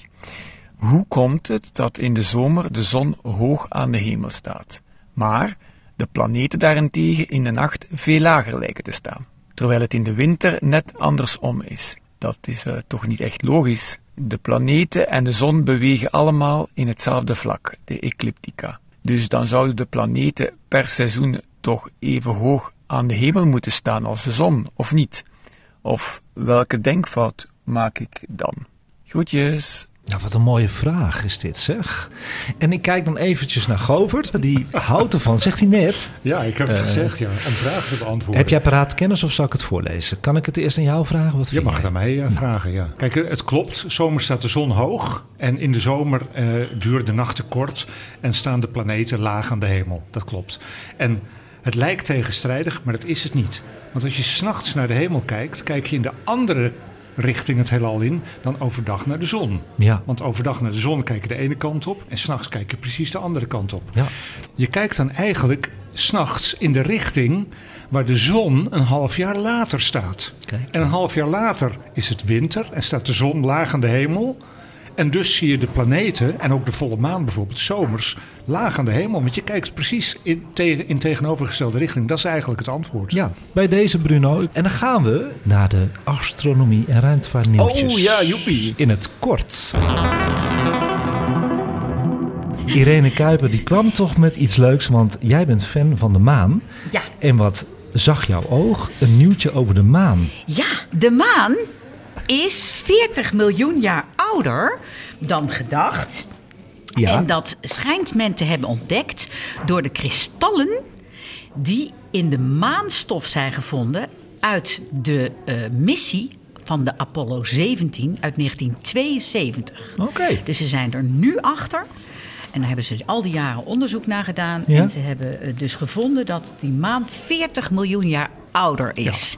En de, eigenlijk is de maan dus een veel oudere dame dan we ooit hadden gedacht. Aan de andere kant is 40 miljoen jaar op een leeftijd van bijna 4,5 miljard jaar is natuurlijk niet zoveel. Maar het is heel interessant dat je dat uit dit soort onderzoek kan afleiden. Dat je aan gesteente, dat is pure geologie en mineralogie, dat je daar aan de leeftijd van gesteente kunt afleiden. Eh, behoorlijk nauwkeurig tegenwoordig, nauwkeuriger dan vroeger. Ja. En eh, dat we daarmee hopelijk een keer antwoord vinden op die vraag: hoe is die maan dan ontstaan? Want dat is nog steeds een beetje een raadsel. En men denkt dat dat iets te maken had met een botsing. Dat is op dit moment de leidende theorie. Dat de aarde was net gevormd. Dat was nog een, een soort ja, klomp van grotendeels gesmolten gesteente door de hitte van het ontstaan. En toen zou er een andere protoplaneet met de aarde in botsing zijn gekomen. Dat gebeurde vroeger, want er waren veel van die brokstukken. En uit de puin van die botsing zou de maan zijn samengeklonterd. Maar het is een beetje een gekunstelde theorie. En hij is nodig om de samenstelling van het maangesteente goed te begrijpen. Maar er is iets raars met die maan. We snappen niet helemaal precies hoe die kan zijn ontstaan. Het, is, het, Wat en is er dan raar aan? het gekke van de maan is dat het gesteente van de maan op heel detailniveau, als je echt kijkt naar de verschillende atomen die erin zitten, lijkt het heel veel op het gesteente uit de mantel van de aarde. En als de maan op een andere plek zou zijn ontstaan, dan zou je dat helemaal niet verwachten. Dan zou je die overeenkomst niet verwachten. En sowieso is dat heel moeilijk te begrijpen. En de enige manier waarop men dat kan verklaren is met zo'n met zo'n botsingstheorie. Maar die moet dan wel onder hele bepaalde voorwaarden hebben plaatsgevonden. Dus ja, er zijn ook wel mensen die eraan twijfelen. Het is een botsing van een planeet, zou ik maar zeggen, Ja. ter grootte van Mars. Ja. En dat heet Thea, hè, geloof ik. Ja, dat, dat hemellichaam, we weten helemaal niet zeker of die echt bestaan heeft. Die is Theia genoemd. Eh. Ook een Griekse eh, godennaam, godinnennaam. Ja, En ja, uit die botsing met de aarde zou de maan zijn voortgekomen. Het kan, dat kan. we weten het niet. Kijk, de maantjes van Mars bijvoorbeeld zijn gevangen planetoïden. Is ook niet helemaal bekend, Nee? Anko. Dat is niet- tientallen jaren lang gedacht. Ja. Maar nu is- ook van die twee kleine maandjes van Mars... is naar de samenstelling van het gesteente gekeken. Lijkt toch weer heel veel op de samenstelling van het Marsgesteente zelf. Oh. Dus wie weet is er ook ooit op Mars een zware inslag geweest... en zijn dit de resterende brokstukken Ja. daarvan. Ja, Van die enorme krater. op Mars, die we in het boek hadden Ja, gezien. niet die krater in het boek, maar er is een, een gigantisch inslagbekken op Mars... wat zo groot is dat je het bijna op foto's niet eens herkent.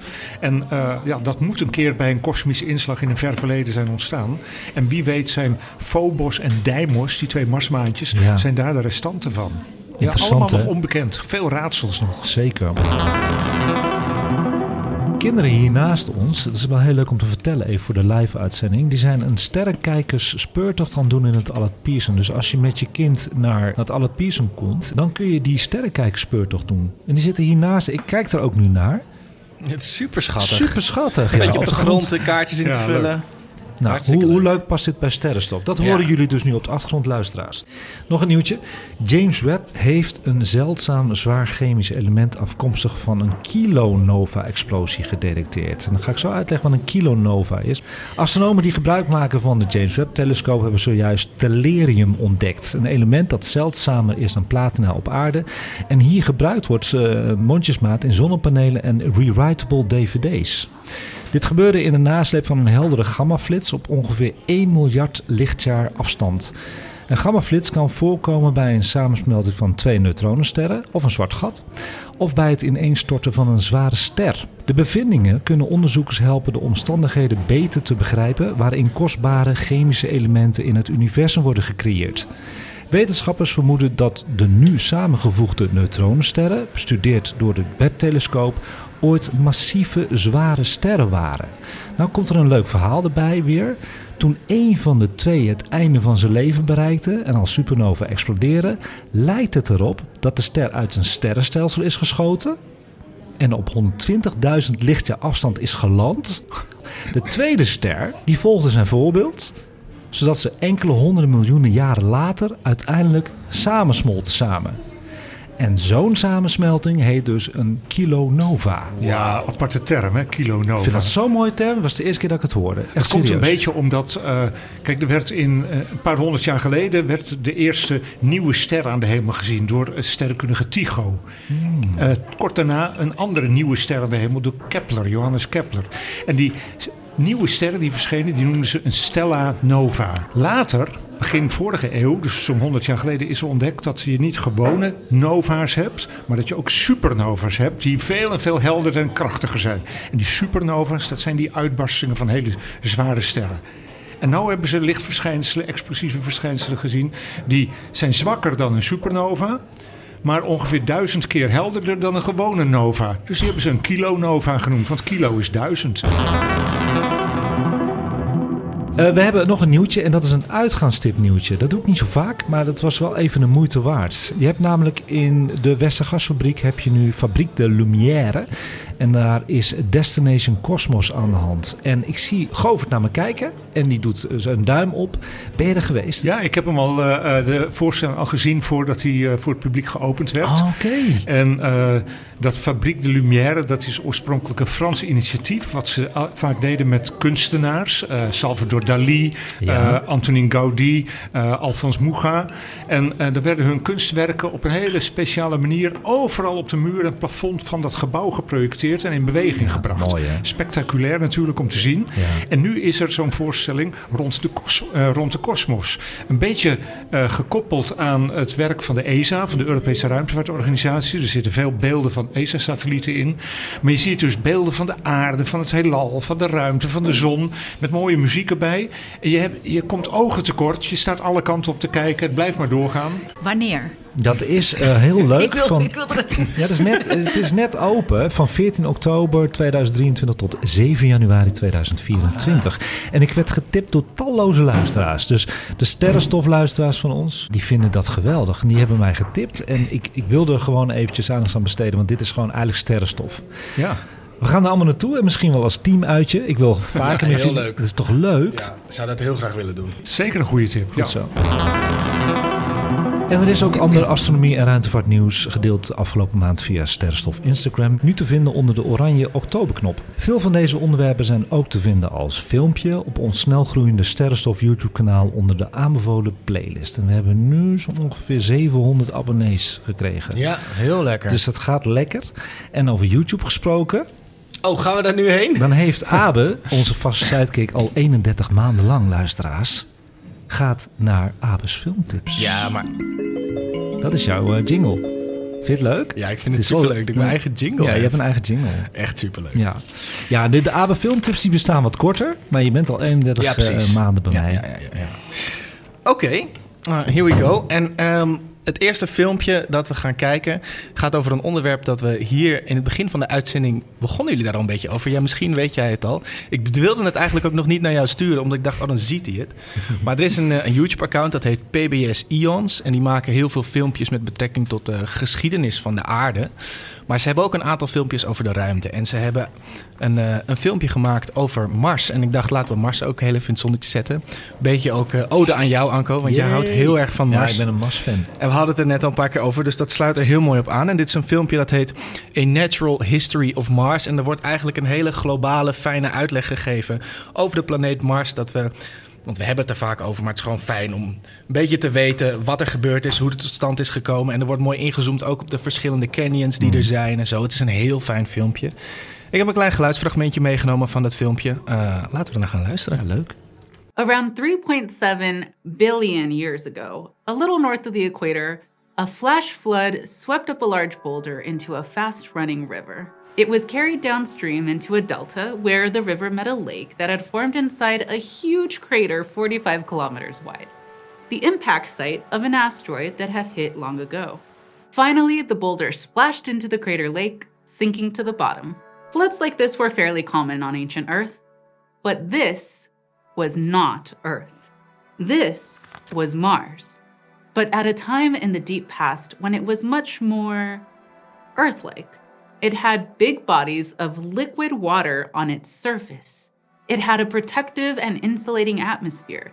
It had a warmer climate, and maybe, just maybe, it had life. As far as we can tell, though, it doesn't have any of those things anymore. Here on Eons, we often talk about the radical changes and countless revolutions that our planet has gone through over deep time. But while Earth's natural history has been playing out over the last few billion years, another epic planetary saga has been unfolding right next door. Even though we've been asking questions of that red dot in the night sky for a long time, we've only just recently begun to figure out some answers, thanks in large part to our curiosity and perseverance. So, what happened on Mars? How and why did it go from that warm, wet, potentially habitable planet to the cold, dry, inhospitable one that we know today?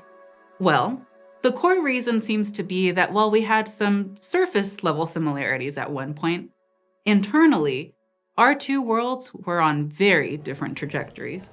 Maar jij wil wat zeggen, Anko? Nee, Govert wil wat Oh, Govert wil wat zeggen. Nou ja, het klinkt heel erg mooi. Ja, Dus, toch? En Mars is een fantastische planeet. En wat Ja. ik zo mooi vind, we hadden het net over de maan, geldt voor Mars ook. Het zijn helemaal lichamen die helemaal niet zo ver weg staan. Je kunt er veel onderzoek aan doen. En hoe meer je onderzoekt, hoe meer raadsels er zijn. Ja, dat is en leuk, dat is hè? toch het leuke van wetenschap. Het Ja. blijft zo mysterieus. We weten zoveel nog niet. Ja. En daarom blijft het zo boeiend. En daarom precies. kunnen we sterrenstof blijven maken tot ik eh, ja. met pensioen ga. Of daar Nou, buiten nog. Daarna Nou, nog, langer, ja, ja. langer, langer, langer. Ja, wat een cadeautje voor mij is dit. Ja, ja, ja. ja, ik, ja. ja, ik ben Ik er heel blij mee. jou wel blij Ja, mee. ik word er heel blij van. En, eh, en vooral het feit, en ik heb die kaartjes ook wel eens gepost op Instagram over een natte Mars. Hè, dat je dus die continenten dan ziet van Ja. Mars. Dat vind ik prachtig om Ja, te is zien. fantastisch om te Ja, zien. alleen wat niet klopt aan die kaartjes, en dan kan Govert het misschien wel beamen, dan beelden ze nog steeds Mars, die continenten rood af. Maar het schijnt, de rode kleur is pas van later die ijsoxide kleur. En vroeger was Mars gewoon grijs. Het klinkt wel heel aannemelijk. Ja. Die ijzeroxiden die, eh, Pas later die zijn gekomen. van, eh, van recentere datum. Precies. Dus toen Mars nog eh, oceanen had, eh, leek hij waarschijnlijk heel veel op de pas, ge- pas gevormde aarde. Voordat er leven op het oppervlak was. Zeker. En dat zijn kale rotsvlaktes en basaltische vlaktes. Ja. En, eh, en afgewisseld met, met zeeën en oceanen. Ja. En dan komen we weer op dat idee dat er overal in het heelal dat soort planeten zijn. Waar niemand van kan genieten omdat er waarschijnlijk geen leven is. Maar ze zijn er wel. Dat Ze zijn er zeker. Ja, heel veel waterplaneten. Leuk. Je tweede filmpje. Ja, het tweede filmpje is lekker, joh. Dat is een apending hoor. dit. Ja. Nee, ja, kijk, als we naar de ruimte kijken, dan eh, is het natuurlijk een en al mysterie. En je weet niet wat er is. Alleen er is één onderwerp wat we hier aan tafel nog nooit behandeld hebben. Oké. En dat komt ook omdat het best wel een obscuur onderwerp is. Maar als je bedenkt over hoeveel van dit er in de ruimte is, dan is het eigenlijk best een gek idee dat er zo weinig over gepraat wordt. Wat is het? Wat is het? Wat is het? Wat is het? Hij doet het goed hè, die cliffhanger. Ja. Het filmpje is van Cosmo. Dat is een, een heel fijn YouTube-account. Ehm, en eh, het, het filmpje heeft een beetje een ingewikkelde titel. Het heet The Mysterious World of OGLE, Ogle 2016 BLG. Geen idee wat dat betekent, maar dat legt hij in het filmpje uit. Oké. Dus ja, ik weet het wel, maar ik zeg het niet. Nee. En ehm, what do we know about rogue planets? Ja, ja, ja. ja. rogue planets zijn toch een verschijnsel. Dat is, nou ja, Iedereen Wij- zit te kijken, waar gaat dit over? Ja, dat is heel leuk. Ik, ik ken het. Ja, ja, ja, ja, ja. Kijk, wij, wij als aarde draaien natuurlijk een baan om de zon. En er zijn meerdere planeten die een baan om een ster eh, draaien. Maar eigenlijk veel meer planeten die bestaan, die draaien niet om een ster heen. En die zijn dus ook heel moeilijk te detecteren, want ze stralen geen licht uit. Eh, er zijn er daarom ook niet zo heel veel gedetecteerd. Relatief gezien, nou wat zou het zijn? Eh 100, 200 of zo? Ja, een handjevol eigenlijk. Maar alleen in ons sterrenstelsel al, en ik hoop dat ik de feiten correct zeg, correct zeg dus correct me if I'm wrong. ehm, alleen in het melkwegstelsel zijn nou iets van 100 miljard waarschijnlijk. Dat, Zeg dat dat goed? is de schatting. Schatting. Ja, Dat is de schatting. En dat zijn dus planeten die misschien ooit ontstaan zijn in een baan rond een ster. Maar door zwaartekrachtstoringen van andere planeten zijn ze hun stelsel uitgeslingerd. En die zijn nu op hol geslagen. Die zwerven door het melkwegstelsel. Gewoon door de lege ruimte. Een planeet. Maar ik vind het een Ja. beetje eenzaam klinken. Het is eigenlijk. super het is ook eenzaam. echt super eenzaam. Super eenzaam. Zielig toch, zonder moederster? Ja, als je je heel eenzaam voelt, dan zeg je: Ik voel me net een rookplanet. En mensen die, die, die van Star Wars houden, die kennen misschien ook wel Star Wars eh, Rogue Planet. Ja, oké. Anyway, het is een super mysterieus en heel intrigerend onderwerp. En dit, Cosmo, deze, deze persoon, die maakt zulke lekkere filmpjes. Nou, we gaan even naar een geluidsfragment luisteren. The sun is the major source of heat and light for every creature on our planet. Its rays feed plants, warm the ground, turn glaciers into mountain rivers, and move air masses around to create a refreshing breeze. Billions of kilometers away from us, other stars give heat to other planets, which are different from our Earth, quite in the same manner. But there are worlds out there that are completely independent from any star. Their sky will never be lit by sunrise, and their surfaces are shrouded in an eternal night. They're destined to billions of years of solitariness in the cold expanses of the cosmos, and only silvery clouds made up of finest ice needles, as it were, hang over the dark horizon. Assumptions about the existence of space objects the size of a planet, which are independent from any star, have been around for a long time. Such celestial objects, freely drifting around interstellar space, are referred to as orphan, free floating, or rogue planets. Astronomical bodies of this kind emit very little thermal and light energy into space around them. It is suggested that there are no bodies in their close proximity they could clearly interact with or be bound to. That is why it is hardly surprising that these objects are so difficult to detect. According to the analysis of data collected in the course of the Ogle project, the Milky Way may supposedly be home to up to 100 billion objects of this class. This may only mean that right now we're at the very beginning of an upcoming series of discoveries in this field. Wat ik dus zo fascinerend vond, is dat we ons natuurlijk verbazen over hoeveel sterren er in het eh, universum Mhm. zijn. Want dat kan je niet eens beseffen. Maar dat er misschien wel evenveel of Ja, meer van die planeten aantallen, zijn. ja. En dat Ja, is ja. bizar. Daar heb ik nooit bij stilgestaan. En wat zo spannend is, die planeten, er zijn mensen die denken dat het niet onmogelijk is dat daar toch levensvormen kunnen Ja, voorkomen. dat is bizar, hè? En dan waarschijnlijk micro-organismen. Maar ga na onze eigen aarde, krijgt natuurlijk de warmte van de zon, maar heeft nog steeds inwendige warmte Ja. van het ontstaan. Ja. Als de aarde de ruimte ingeslingerd zou worden, blijft die inwendige warmte Ja. gewoon aanwezig. En die kan op de bodem van de oceanen of, of, of in, de, in de aardmantel, kan die voldoende energie opleveren voor het bestaan van micro-organismen. En ja, dan eh, ja, heel spannend allemaal. Dat zou bizar zijn, zeg. Ik wil misschien wel op zo'n planeet even staan. Boah, dat is he- Heel even, zo eng. Heel Heel even. even, het zou natuurlijk dramatisch Wel zijn. heel donker. En heel donker, hè? Maar wat een mooie sterrenhemel Ja, heb je dan. ja, zeker. Geen lichtvervuiling, Ja. Govert. Helemaal niks. Mooie filmpjes. Ja, lekker, hè? Ja. Lekker, je bent terug, hè? Ja. Abe is terug, jongens. Planet. Heel goed. En even hoe je dat spelt is R-O-G-U-E. G-U-E. Ja, van echt van Rogue, echt prachtig. Jongens, we gaan naar het laatste rubriekje van eh, de uitzending. En dat is ook een van de grote favoriete rubrieken van de luisteraars. Dat is heel leuk om te horen. En dat is de sterrenhemel van de maand november 2023.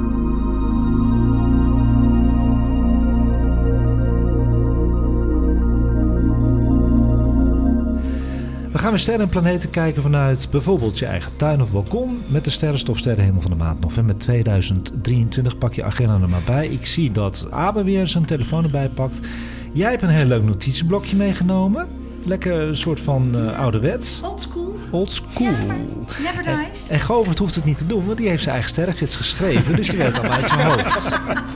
En Govert? Ja, Ja, toch? het is leuk, Anko, maar die, dat jaarboekje van 2023, dat schreef ik in 2022. Dat is al een tijd geleden. Ik ja, weet ja. het niet allemaal uit mijn oh, hoofd. Nou, dat had ik wel verwacht van je hoor. Ja. Ja.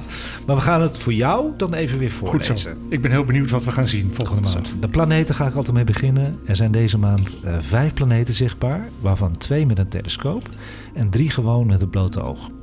Uranus staat deze maand in oppositie, wat betekent dat hij de hele nacht zichtbaar is. Niet met het blote oog dus, maar wel met een telescoop. En met een telescoop best te doen. Ook met een grotere telescoop is Neptunus zichtbaar. Je ziet niet zoveel in een telescoop eh, bij, de, bij de planeetjes, maar als je er een foto van zou maken via een telescoop, dan zie je de kleuren van Uranus en Neptunus tevoorschijn komen. Dat is een beetje blauw-groen. Zoek beide planeten op via sterrenkaartjes of een sterrenkijk-app. De kleinere planeten van ons zonnestelsel, dat zijn Mercurius en Mars, zijn helaas niet zichtbaar deze maand. Mars staat zelfs op 18 november in conjunctie met de zon. Dat wil zeggen dat hij voor ons zich precies achter de zon beweegt. Ook in de weken daarvoor en daarna kunnen we Mars niet waarnemen. In deze zonconjunctie van Mars is er ook voor ruimtevaartorganisaties trouwens geen radioverbinding mogelijk met de ruimtesondes op Mars. Dus we hebben gewoon even te maken met radiostilte. We zijn even Mars gewoon kwijt. Venus is morgens natuurlijk niet te missen als heldere morgenster. Ze komt nu al rond 3 uur in de ochtend op in het oosten. Het is de moeite waard om Venus ook eens met een telescoop te bekijken, omdat ze net als de maan schijngestalte vertoont. Eind november zie je Venus door de telescoop als driekwart vol. Nou, Govert, je hebt vast wel eens Venus door de telescoop gezien. Ik heb Venus wel eens door de telescoop Wat vind je de mooiste schijngestalte van Venus? De mooiste schijngestalte van Venus is als hij een hele smalle sikkel Dat is zo mooi, hè? Zo'n heel klein vingernageltje. Ja. En het leuke is, dat is alleen het geval wanneer die relatief dicht bij de aarde staat. Dus die sikkelvormige Venus is ook heel groot in de Een grote schijfdiameter. Het is eh, spectaculair mooi gezicht. Spectaculair, ja. Op 9 november bedekt de maansikkel de planeet Venus. Dit gebeurt helaas overdag. Toch wil ik dit even benoemen, want je zou dit kunnen zien met een telescoop of verrekijker. Waarom? De maansikkel is namelijk overdag wel te zien. Als je rond kwart voor elf ochtends naar de maan gaat met je telescoop of met een verrekijker, want dat kan ook, dan zie je een paar minuten later Venus verdwijnen achter de verlichte maankant. Venus komt dan weer tevoorschijn rond 5 voor 12 's ochtends aan de donkere kant van de maan. Nog mooier om te zien.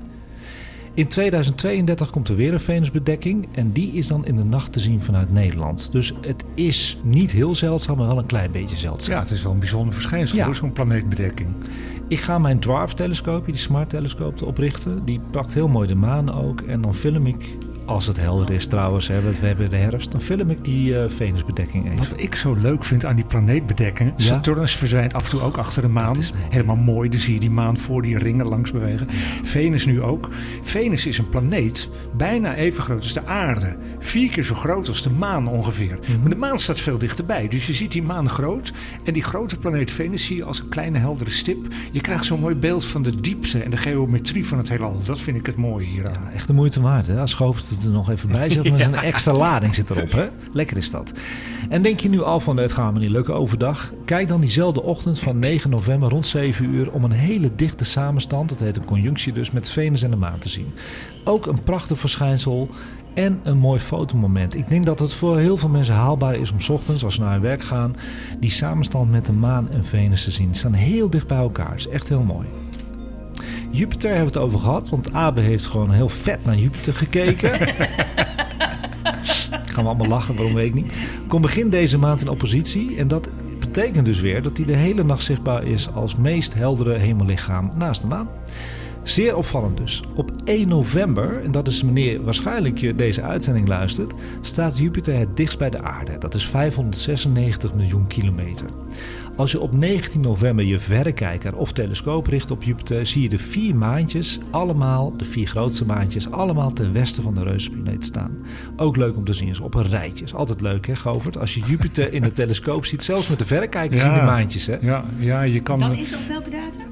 Op 19 november zie je ze allemaal ten westen staan. Ja. Je ziet eigenlijk altijd die maantjes eromheen. Meestal kun je er wel twee of drie zien. Zeker. Vier maandjes zien is met een verrekijker moeilijk. Lastiger, die, die binnenste die valt dan vaak weg. Ja. Maar eh, als je een verrekijker een beetje flink vergroot... en als je zorgt dat je hem goed stabiel kunt houden... of op een statief of goed... eh, Goed vasthouden, je ellebogen ergens op laten rusten, zodat je kijker niet te veel trilt. Dan kun je die manen van Jupiter heel goed zien. Ja. Op 24 en 25 november vormen de maan en Jupiter een mooi koppel. Dat heet ook weer een conjunctie. Vinden mensen leuk hoor, die conjuncties. Die blijf ik ook maar noemen. Dat doe ik al 31 maanden lang. Maar conjuncties, die vallen mensen namelijk op. Er is een website die heet maanwijzer.nl. Ja? Of in ieder geval, er is een Twitter-account, Maanwijzer. En het is iets wat mij uit het hart gegrepen is. Wat ik in mijn jaarboekje ook altijd doe. Ja. Je kunt de maan gebruiken om de planeten te vinden. Exact. Want heel veel mensen zeggen, ja, ik weet niet hoe Jupiter eruit ziet en waar die staat. Nou, dan zeg je, eh, wat was het, 24 november? 24 en Staat 25. de ja. maan en Jupiter vlak bij elkaar in de hemel. Dan is het heel makkelijk, want de maan kan iedereen vinden. En dan zie je een heldere ster erbij. Bingo, Dat is hem, hè? gevonden. Dat is hem. En daarom doe ik nog steeds in de sterrenhemel van de maand. Heel goed dat De conjuncties. Dankjewel, Govers.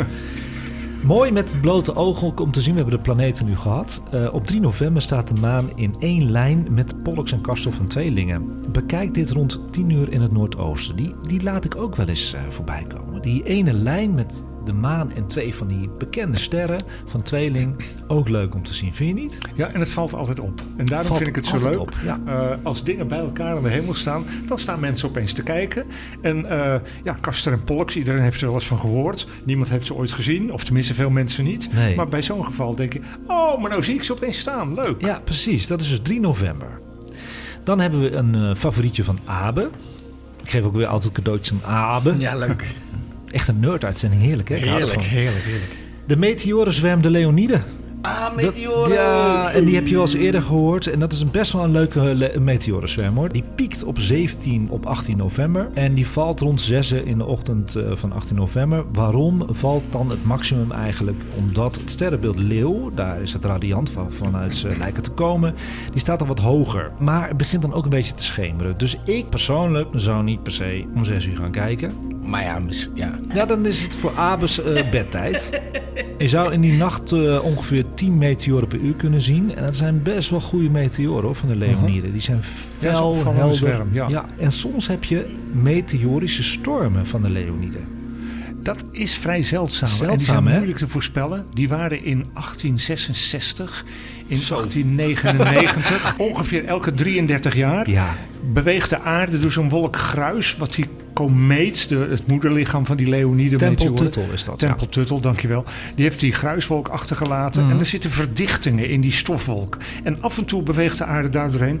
Nou, en dat is... Ik heb het nooit gezien hoor. Ik ook dat, niet, hoor. Dat moet spectaculair zijn. Dan zie je honderden vallende sterren per uur. Dan heb je echt te maken met een sterrenregen. Ja. Als je dat ziet, dan word je gek. Even doortellen, wanneer zouden we Dat die weet dan... ik niet eh, helemaal uit mijn hoofd. Het is ook niet zo. Tegenwoordig kunnen ze het iets beter voorspellen. Maar ik geloof niet dat er op, op korte termijn nog een keer zoiets aan staat te komen. Nee, ik heb gelezen dat het dit jaar in principe niet mogelijk Nee. zou zijn. Nee, maar je weet het niet. nooit. Het kan zomaar gebeuren. Dus blijf even kijken. Maar die tien meteoren, die zijn helder van de Leonide. Heel Dus leuk. Eigenlijk zijn ze helderder. Maar Perseïde is gewoon heel veel. Maar de Leoniden zijn helderder dan de Perseïde. Als je Grotere brokstukjes, Ja. dus krijg je een helderder lichtspoor. Ja. En eh, Abe, ga je kijken naar de Leonide? Ja, ik ga wel mijn best doen hoor. Dat Ja. lijkt me wel heel leuk. Ja, dan adviseer ik je. Dichtstbijzijnde donkere punt is in de Flevopolder. Gaan Elton en ik wel eens naartoe. En dan zie je ook de Melkweg. Dus een goed donker Mhm. punt. Flevopolder. Ja, dat is wel... eh, dat, dan heb je donkere stukjes nog. Durgerdam scheelt ook al enorm. Of je gaat naar Irene toe. Ja, kan natuurlijk ook. We zijn er doorheen, Govert. Mag ik jou vragen, wat vond je ervan? Het was mij een grote eer om uitgenodigd te worden voor jouw eh, podcast Sterrenstof. Dank je Ik vond het buitengewoon leuk. Eh, ik ik eh, ben heel enthousiast over jullie enthousiasme voor de kosmos en voor het zelf kijken daarnaar. Ik ga bijna zeggen, misschien ga ik er in de toekomst ook wel eens naar luisteren. Zal... Jongens, als dat gaat gebeuren, dan hebben we met sterrenstof ons doel bereikt en dan kappen we ermee. En tot zover Sterrenstof voor de maand november 2023. Live vanuit een druk, leuk, alle Pierson te Amsterdam. Je kunt mij mailen voor vragen, opmerkingen en tips over astronomie en ruimtevaart op sterrenstofnieuws.gmail.com. Je kunt Sterrenstof natuurlijk ook vinden op Instagram en YouTube met de hele maand door nieuws en updates en eigen gemaakte films soms door Las. Volg ons op Sterrenstof Nieuws. Terugluisteren kan altijd via alle bekende podcastplatformen. Deze podcast werd mede mogelijk gemaakt door Ganymedes Optische Instrumenten te Amstelveen, de telescopenwinkel van Nederland. En dankjewel Abe, Govert en Irene op alfabetische volgorde voor de medewerking van deze leerzame en gezellige aflevering. Dankjewel jongens, het was me waar genoegen. De techniek was in handen van Erik, dankjewel Erik. En de heerlijke koffie werd weer verzorgd door het café Albert Pierson. Iedereen bedankt voor het luisteren en voor het anoniem doneren aan onze Sterrenstof Fooiepot. Mede dankzij jullie voor je kunnen we doorgaan met het produceren van sterrenstof. Wij waarderen een kleine bijdrage enorm. Dankjewel. Tot de volgende keer weer iedereen en kijk eens wat vaker omhoog.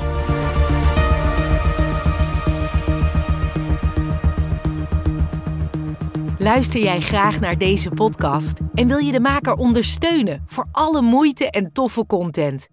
Geef dan, als je wat kan missen, een digitale fooi. Dat doe je via fooiepot d.com zonder abonnement of het achterlaten van privégegevens. Dus fooiepot met een d.com.